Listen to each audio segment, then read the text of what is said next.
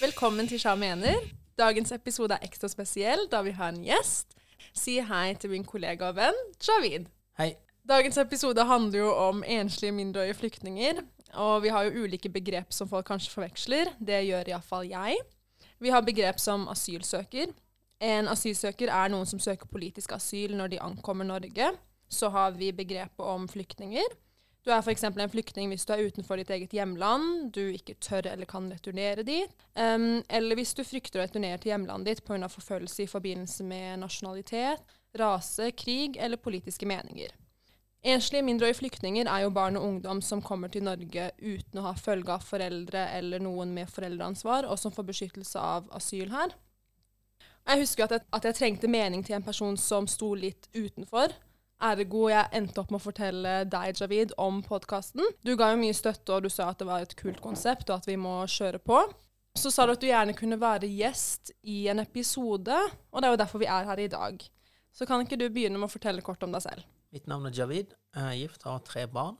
Jeg jobber som miljøarbeider eh, i barnevernet og på vei til å bli miljøterapeut. Og jeg kommer fra Afghanistan. Ja, da går vi rett på sak. Kan du fortelle når og hvordan du kom til Norge? Jeg kom til Norge i år 2000. Kom som flyktning. Eh, kom hit via menneskesmuglere. Og de som eh, vi betaler penger, en viss sum til de, og så de fraktes videre fra land til land, og så havner vi i Norge. Hvordan ble du møtt da du kom til Norge?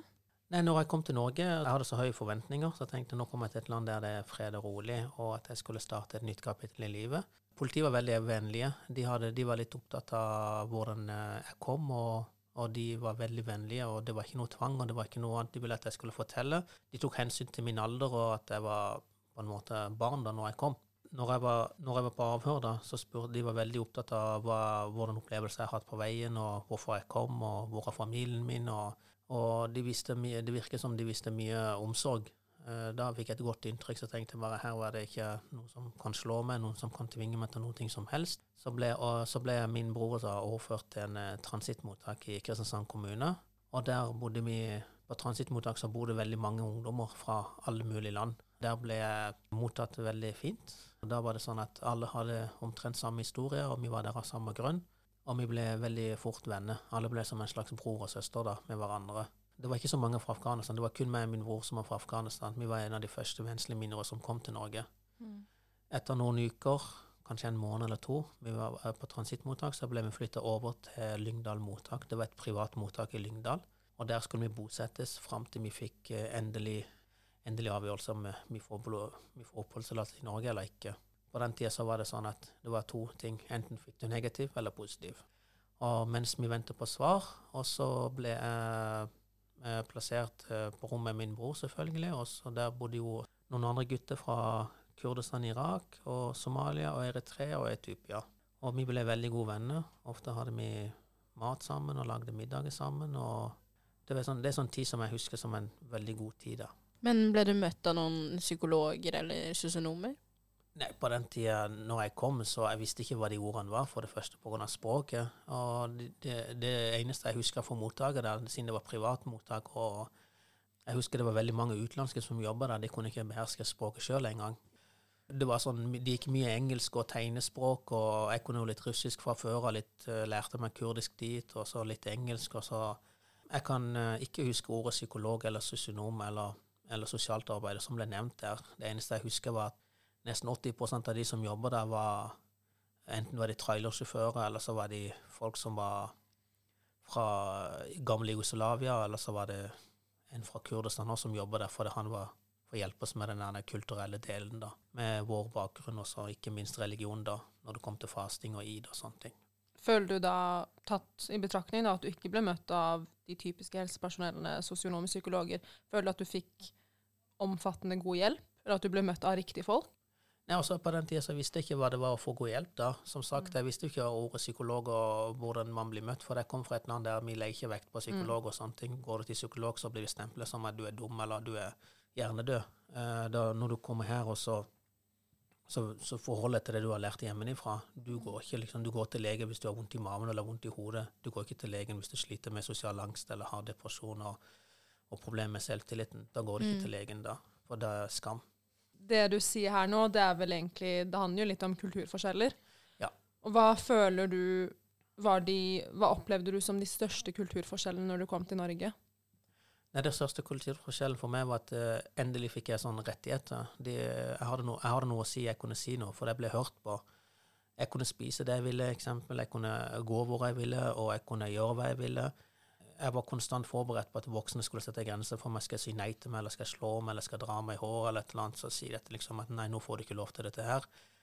Ofte ble jeg møtt med veldig mye sånn ja, i dag, hva har du lyst på i dag? Og ofte var de med liksom spurte meg ja, hva har du lyst til å gjøre i dag? Hva vil du spise i dag? Om du vil være med på noen aktiviteter? Og var det, det, var det største kultursjokket for meg. liksom, Jeg tenkte på oi, har jeg så mye frihet? Ja, å si, Det her blir nesten et uh, litt dumt spørsmål, for å trekke linjen tilbake til der hvor vi snakka om psykolog og sosionomer. Men følte du at du hadde et behov for disse helsepersonell når du ankom Norge? Var det sånn jeg trenger et eller annet profesjonelt menneske som kan hjelpe meg med å sortere de tankene eller ting som vi har sett der ute? Ja, det største behovet jeg var når jeg kom til Norge, så har jeg selvfølgelig problem, jeg hadde problemer med kneet mitt, og så hadde jeg selvfølgelig stor, veldig stor savn etter familie da. Jeg var jo såpass mm. ung. Og, og, da gikk jeg og oppsøkte lege hele tida. Så sa jeg at når jeg kom til Norge, så hadde jeg store forventninger. Så tenkte jeg nå er jeg et eh, bra land, og her har de bra system, og nå kan de hjelpe meg. Jeg oppsøkte veldig ofte ledelsen mottakere spurte om jeg kunne gå til lege. Da eh, Da forbinder jeg med at om legen kunne fikse jeg har en dårlig kne, om de kunne fikse kneet mitt. Og så jeg gikk til lege fram og tilbake. Det eneste jeg husker den tida liksom vi ble tatt inn til helsepersonellet, det var de gangene når du tok blodprøver og sjekka om vi hadde noen sykdommer. Og vi, vi var hos tannlegen, og så sjekket de tennene våre. Og da var jeg hos lege, så fikk jeg en god følelse. liksom, Her kan jeg få hjelp. Følte liksom at jeg fikk hjelp. Men midt oppi det hele, følte du at du hadde noen sånn identitetskrise? Hvem er jeg, og hva skal jeg? Altså Når du kommer til et nytt land, selvfølgelig alle, Sånn som jeg personlig har Jeg sleit jo med å kunne akseptere situasjonen, så tenkte jeg bare hva er det som skjer? Eh, mm. Hvor er jeg kommet? Er det, noe, er det, noe, jeg drømmer om? Er det noe sånn de lurer meg? Eller hvorfor får jeg, får jeg lov til å bestemme? Hvorfor får jeg lov til å være meg selv? Så tenkte jeg hele tida på familien nå. Liksom, hva, hva, sier de for noe når jeg tar min egen avgjørelse? For man er jo ikke vant til det som, eh, som, barn. Det er ikke mye vi kan si der jeg kommer fra når du er barn, så det er ikke mye stemmerett du har. Hvordan var det å komme inn i det afghanske miljøet, hvis det var det på den tida? Ja, når vi kom, som sagt, så hadde en eh, Eldstebroren min bodde i Kristiansand, og han kom litt før oss. Med min eh, bror som er ca. tre år eldre enn meg. Vi bodde på mottaket. Da var det ikke noen afghanske miljø. Jeg husker at eh, vi maste hele tida med å treffe andre afghanere, siden vi savna språket og matkulturen. Mm. Og husker at det var en ansatt som var veldig snill der, en som heter Rolf. Han var veldig snill. Han tok bilen og så kjørte oss helt til Mo i Rana nesten, gjennom alle asylmottakene. Vi fant ikke en eneste afghaner. Vi var, vi var, eh, de eneste enslige mindre afghanere. Det var andre familier, selvfølgelig, men de var jo bosatte. De hadde bodd her mange år. Vi fant ikke en eneste afghaner. Så vi, hver gang vi dro på et mottak, så kom vi jo kjempelei tilbake igjen, for vi fant aldri noen vi kunne kommunisere med. Så det var da jeg lærte disse, jeg lærte kurdisk og litt bosnisk og litt mm. ja, forskjellige språk på mottaket. Litt amharisk og tigrinja. Hvordan lærte du norsk, da? Hvordan ble du møtt av lærerne på skolen? Når vi kom på mottaket, på den tida så var reglene slik at uh, alle skulle på norskkurs og lære seg norsk. Uh, som sagt, det var veldig mange voksne folk som gikk på norskkurs. Jeg var såpass ung, så, så både ledelsen på mottaket og de fra UDI mente at jeg var altfor ung til å kunne gå med de voksne folk på asylmotene på sånn mottaksskolen, da, som de kalte Så jeg ble heller plassert rett i niende klasse. Jeg kunne ikke et eneste ord. Jeg kunne litt sånn, andre, sånn kurdisk og russisk og litt sånn engelsk, men uh, jeg sleit veldig, og jeg klarte ikke å holde følge. Men lærerne de ristet litt på hodet, så tenkte de liksom han kan ikke språket. Etter noen uker på ungdomsskolen i 9. klasse, så ble jeg sendt tilbake igjen til mottaksskole for å lære meg litt mer norsk, for å komme tilbake igjen da. Når jeg gikk på mottaksskolen, og så lærte jeg sånn typisk eh, mandag, tirsdag, onsdag og klokka og 1, 2, 3 og sånn hverdagsord. Så ble jeg sendt tilbake igjen til skolen da. Uh, når jeg kom tilbake igjen på ungdomsskolen, da hadde de et bedre opplegg. Da var det sånn at eh, nesten én til to timer om dagen så hadde vi noe som het norsk som andrespråk. Da var det jeg og noen, noen jenter og gutter fra 8., og 9. og 10. klasse. Vi hadde et time for oss sjøl der vi lærte norsk, og, og, da hadde vi en lærer som kun eh, hovedsakelig lærte oss norsk. Og så var det sånn eh, at når jeg bodde på mottaket, dattera til sjefen vår hun kom med tre-fire svære kasser bananer med Donald Duck-blader. Og så kom hun med Manchester United supporterklubb sine blader, der jeg leste de. Eh, og lærte meg norsk. Og Donald Duck var veldig spennende lesing, for det var tegn, og så var det lite skriving, og da lærte jeg veldig fort norsk. Og så i tillegg så anbefalte hun at jeg skulle se mest mulig på NRK og TV 2, med engelske filmer helst, og så med norske tekster. Og så måtte jeg bare notere. Det var jo slik jeg ble Manchester United-fan òg, når jeg Nei. leste hele historien til Oh my god. Ja. ok. Du er deg, ja. Ja. Nei, men eh, jeg synes faktisk en ting jeg personlig brenner for, da, det er jo dette her med rasisme, og jeg synes alltid at det finnes så mange kule historier der ute, ikke sant? Kule. Ja, eller det er ikke akkurat kule, men det er jo alltid sånn Interessante. Et, ja, interessante som man på en måte Fordi man kan ikke si at alle opplever rasisme likt, liksom. Det er så mye ulikt der ute. Vi alle opplever rasisme på ulike måter. Ja. Så eh, jeg gjetter jo at du muligens har opplevd rasisme. Mhm. Har du det? Ja, det har jeg absolutt. Jeg har uh, mange opplevelser. Det første var når vi kom på mottaket i Lyngdal. og det var sånn at uh, Jeg husker en gang uh, det kom noen biler forbi oss, og så vi bodde jo rett med E39 da, rett med veien der, rett uh, sving inn til Lyngdal by. Da var det sånn at da ble vi møtt at noen kastet egg på vinduene våre, og vi fikk høre typisk sånn apelyder, og, og så hørte vi sånn typisk 'Kom dere tilbake der dere kom fra?' Og sånne ting. Og så vi, vi, var, vi var litt eh, redde, samtidig så blir man litt sint også. tenker jeg liksom at eh, Man tenker ikke det man tenker ikke du kommer til et land som er så fredelig og rolig, som har kommet så langt at du møter slike holdninger. Jeg var litt sjokkert eh, på begynnelsen. Så, så tenkte jeg ja vel, og så hadde jeg noen opplevelser på skolen nå. Der var det faktisk en eh, innvandrerungdom sjøl som var fra Sør-Amerika. Han var litt, eh, så litt annerledes ut. Han var litt sånn eh, blond, litt lysere enn oss. Og så han var, type, han var veldig på offensiven mot oss som var fra Sentral-Asia, sånn som Kurdistan, Afghanistan eller andre land. Så, så mente han at vi hadde ikke rett til å være her, og kalte oss eh, for apekatter og svarting og pakkis. Og jeg ble veldig lei meg. Så sa jeg at jeg, jeg visste ikke hva ordet pakkis var. Så sa jeg du er ikke fra Pakistan, jeg er jo fra Afghanistan, så hvorfor kaller du meg for pakkis? Så kom det etterpå, liksom, og så ja, men du er pakkis. Så han var veldig stygg i kjeften, og så brukte ofte sånne, ja, masse stygge ord mot oss, og kom der tilbake, og det er vi som skal være her, ikke dere. Opplever du rasisme ennå? For at du sa at du ble sjokkert i begynnelsen. Ja, Blir du sjokkert altså, ennå?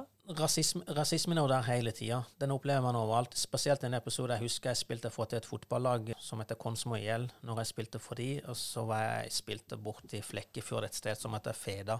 Uh, når jeg spilte kamp der også, var det faktisk godt voksne mennesker, og pluss noen ungdommer. De var kanskje rundt sånn 14-15 stykker som, som står bak målet mitt og sang og lagde apelyder gjennom hele kampen. Akkurat da så reagerte jeg ikke så mye på det, sånn, for jeg overså det, ignorerte det, for jeg bare lo av det hele, fordi at uh, jeg tenkte fotball, gøy, jeg er her med kompisene mine, vi spiller fotball. Men i ettertid så har jeg tenkt veldig mye på det, så tenkte jeg, hvorfor var det ingen som stoppet det, hvorfor var det ingen som sa noe, hvorfor var det ingen som gjorde noe? Jeg ble til og med, de kastet til og med bananskall på banen, og så Oi.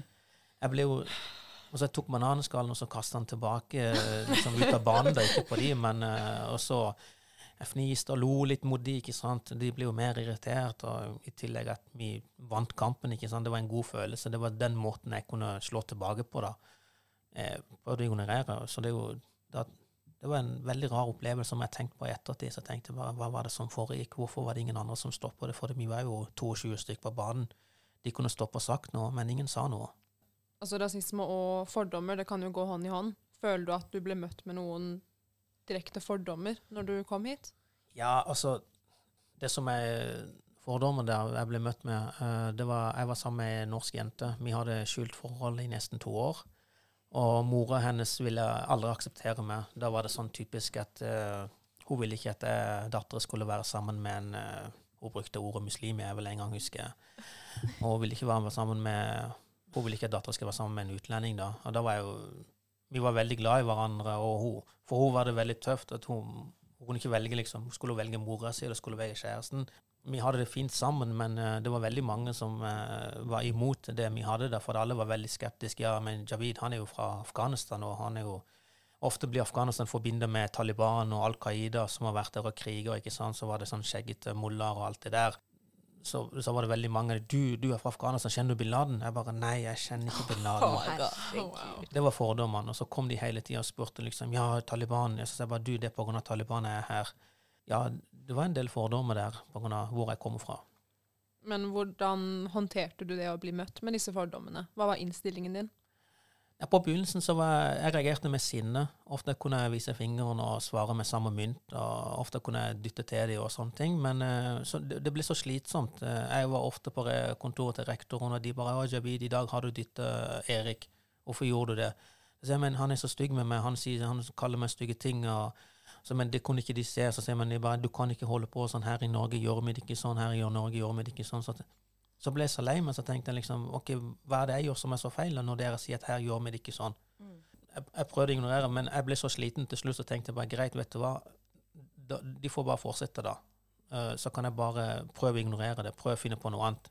Fikk meg noen gode venner og fant noen hobbyer som jeg kunne koble ut. Og så jeg kom inn i en sånn Gikk på kickboksing, og så fikk jeg litt muskler, da holdt jeg på å si, og så ble jeg liksom litt kul da på skolen.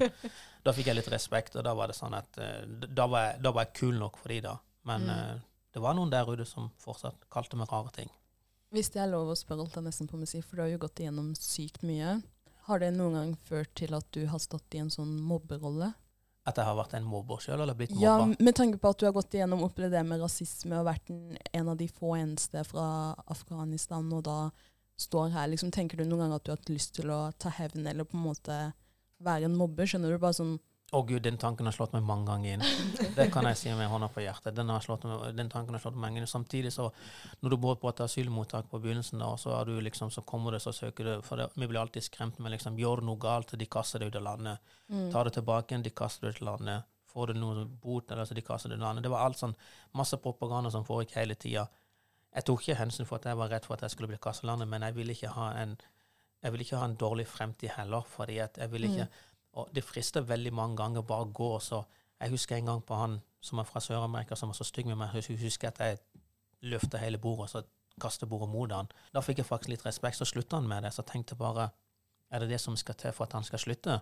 Når ikke voksne tar grep, når ikke læreren sier noe, når ikke rektoren sier noe, når ikke de voksne foreldrene hans sier noe Så når du om igjen og om igjen si nei, liksom, og så Ofte drømte jeg selvfølgelig gå på døra og så ta de og så gi de en high five i trynet, holdt jeg på å si, for å liksom at de skal la være. Det har jeg vært veldig mye, men uh, der jeg kommer fra, det jeg har opplevd, så har jeg vært ekstrem imot både rasisme og mobbing. Jeg har prøvd hele tida å hjelpe. Jeg har alltid vært på de svake sin side. Mm. For det er jo en av de sjøl har vært der. Men hva, hva tenker du om negativ sosial kontroll? Har du noen gang opplevd det? Nei, ikke så særlig mye. Uh, men som sagt, igjen i det som jeg nevnte tidligere, det var ikke noe afghansk miljø her. Og Mm. det er jo en av grunnene til at jeg har holdt meg vekk mye fra afghanske miljø, det er jo sånn mye, mye av fra masse eh, fem forskjellige etnisiteter fra Afghanistan. Det har alltid vært mye vært i borgerkrig i så lenge jeg, jeg har levd. Kanskje mye lenger enn det òg. Og da har det vært alltid mye prat om eh, baksnakking og mye fordommer, og de, de er ikke noe greie med hverandre. Det var bevisst jeg holdt meg litt unna det. Så jeg har ikke hatt noe av det. Så det, er på grunn av denne, det var noen storbyer, så derfor jeg ble sånn glad i Mandal òg, der det var ikke så mange. Mm. Men tror du det kan være fordi at du er gutt? Tror du jentene opplever mer negativ sosial kontroll enn det gutter gjør? Det kan godt være. Nå har jeg, som sagt, jeg som du sier, jeg er jo gutt. For det, jeg har ikke sett hvordan, hvordan det vil være jente, for det kan jeg aldri erfare sjøl. Mm. Eh, når vi bodde på mottaket, som sagt, og det var veldig fin tid. Nå var det noe av det beste tida i mitt liv. Og der ble jeg møtt eh, Det var så, vi var en sånn stor familie. Det var noen ansatte som var helt fantastiske. Som jeg sa, det var gjerne trailersjåfører og butikkansatte. Men de var så flinke, de var så gode, de ga oss masse omsorg og masse kjærlighet. Og alle de som jeg kalte på søster og bror, og vi hadde det så fint sammen. Det er sånn jeg tenker tilbake på det, så tenker jeg herregud, det, det, det må være det beste tida i mitt liv.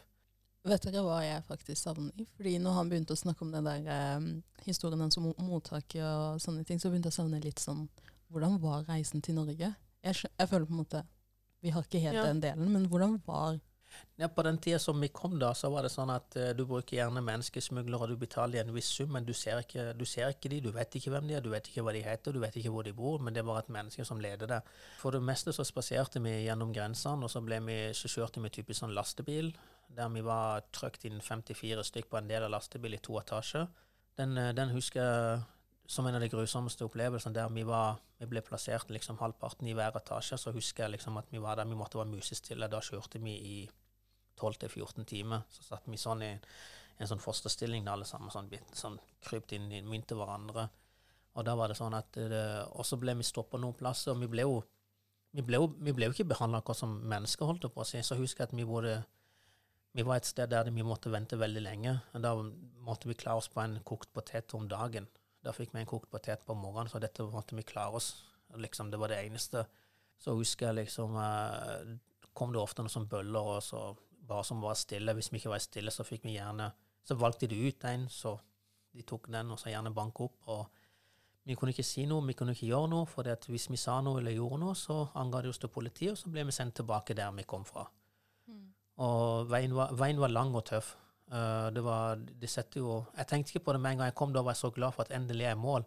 Men når jeg er blitt mm. eldre i de senere årene, så jo eldre jeg blir, jo mer jeg tenker på det. Sånn som når jeg ser flyktningkrisen i tillegg, så tenker jeg bare oi, jeg har vært der sjøl òg, men det er nå det slår inn. Det har ikke mm. slått meg inn tidligere, men nå, det er nå det kommer. Men uh, hvorfor akkurat Norge av alle land i hele verden?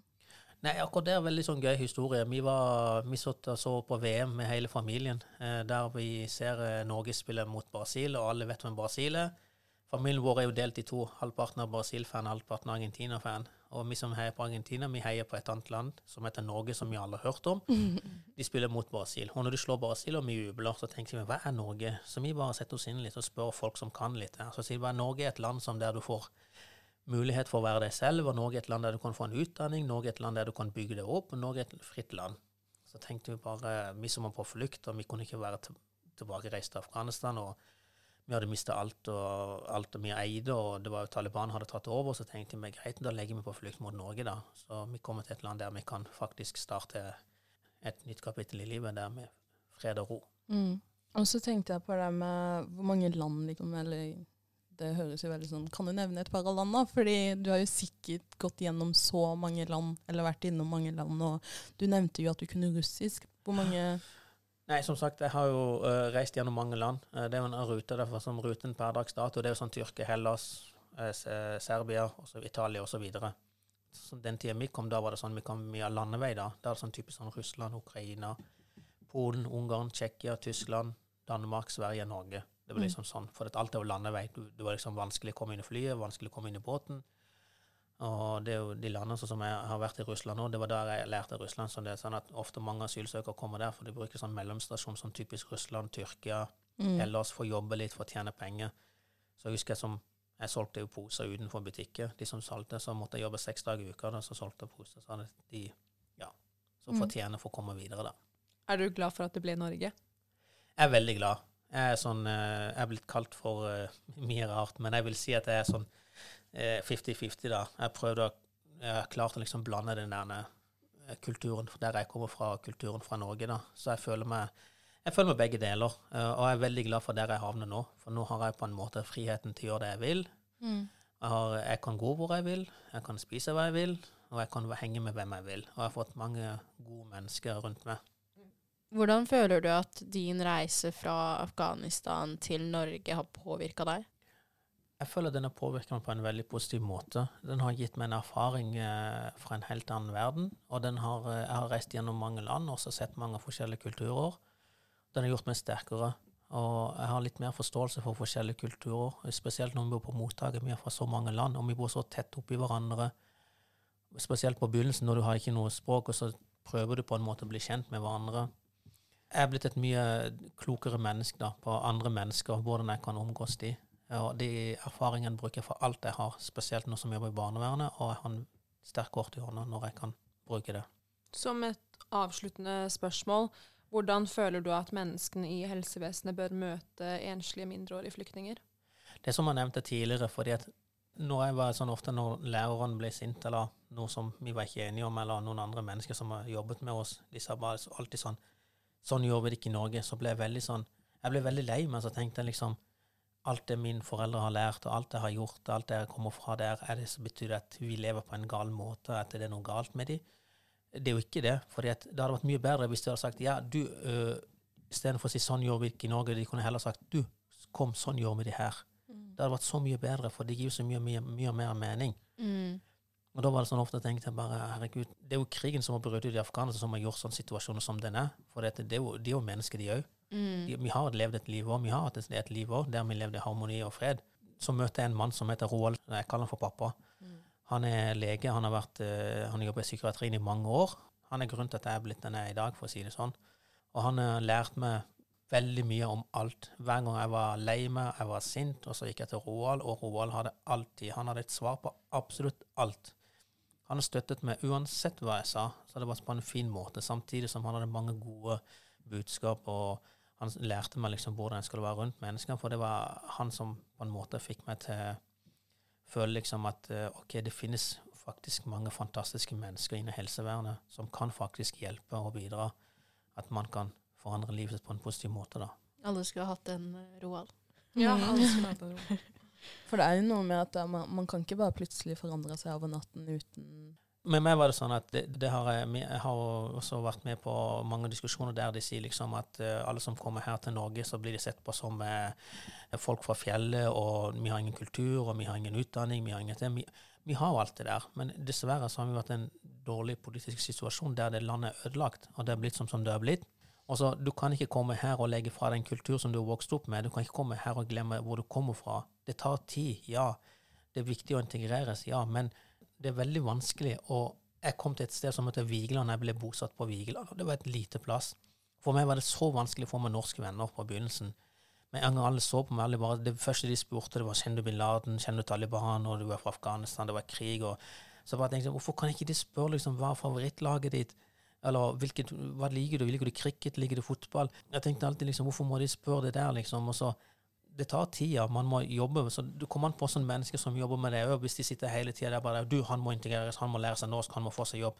Men hvordan i all verden skal du lære deg norsk og få deg en jobb når du ikke blir tilbudt noe? Når du går der, så møter du noen, så de vil ikke være med deg fordi at du ser annerledes ut, og du snakker annerledes, og du spiser annerledes, du lukter annerledes. Og da var det veldig vanskelig å forholde seg til disse menneskene da. Altså, mm. da var det sånn at kunne du ikke du idrett, og så som på skolen så lærer du sånn som jeg sa, mandag, tirsdag, onsdag, og så lærer du klokkeslett, og så lærer du tallene, men du lærer ikke å kommunisere med noen. Der er det norsklæreren din. Når du er ferdig med de timer, så går du hjem. Du må ha noen å snakke med. Du må være et miljø der du blir på en måte tatt imot. Da. Sånn fysisk aktivitet sånn som fotball, karate og kickboksing, det er sånn veldig bra arena der du kan møte andre ungdommer på din alder og snakke. Men når du kommer som voksen i Norge, jeg syns veldig synd på dem. Mange voksne når de grupperer seg, så blir de sett på som å, de grupperer seg, de gjør sånn, og de går sammen, de går med sine egne. Men de har ingen andre å gå med. Hvem skal de gå med når det, det er sine egne de må gå med? For det, er når de prøver seg å bli venn med noen andre, hvor de bare liksom på møter en rar blikk, for jeg tenker de er jo nye her. Det tar jo litt tid for å lære seg språket. Mm. Akkurat det med integrering og få det ut av arbeid, så syns jeg vi ligger langt etter i Norge. Spesielt mange steder. Takk for et bra, utfyllende svar. Dette her tenker jeg at vi kan lære veldig mye av. Takk for at du kunne komme og ta Mm. deg tiden til dette her. Med en glede. Takk for at jeg fikk lov til å komme. Takk for at dere har lyttet på dagens episode. Hvis dere har noen spørsmål eller henvendelser, så er det bare å ta kontakt på våre sosiale medier. Dere kan følge oss på sjamener.pod på Instagram og på vår Facebook-side. Takk for oss.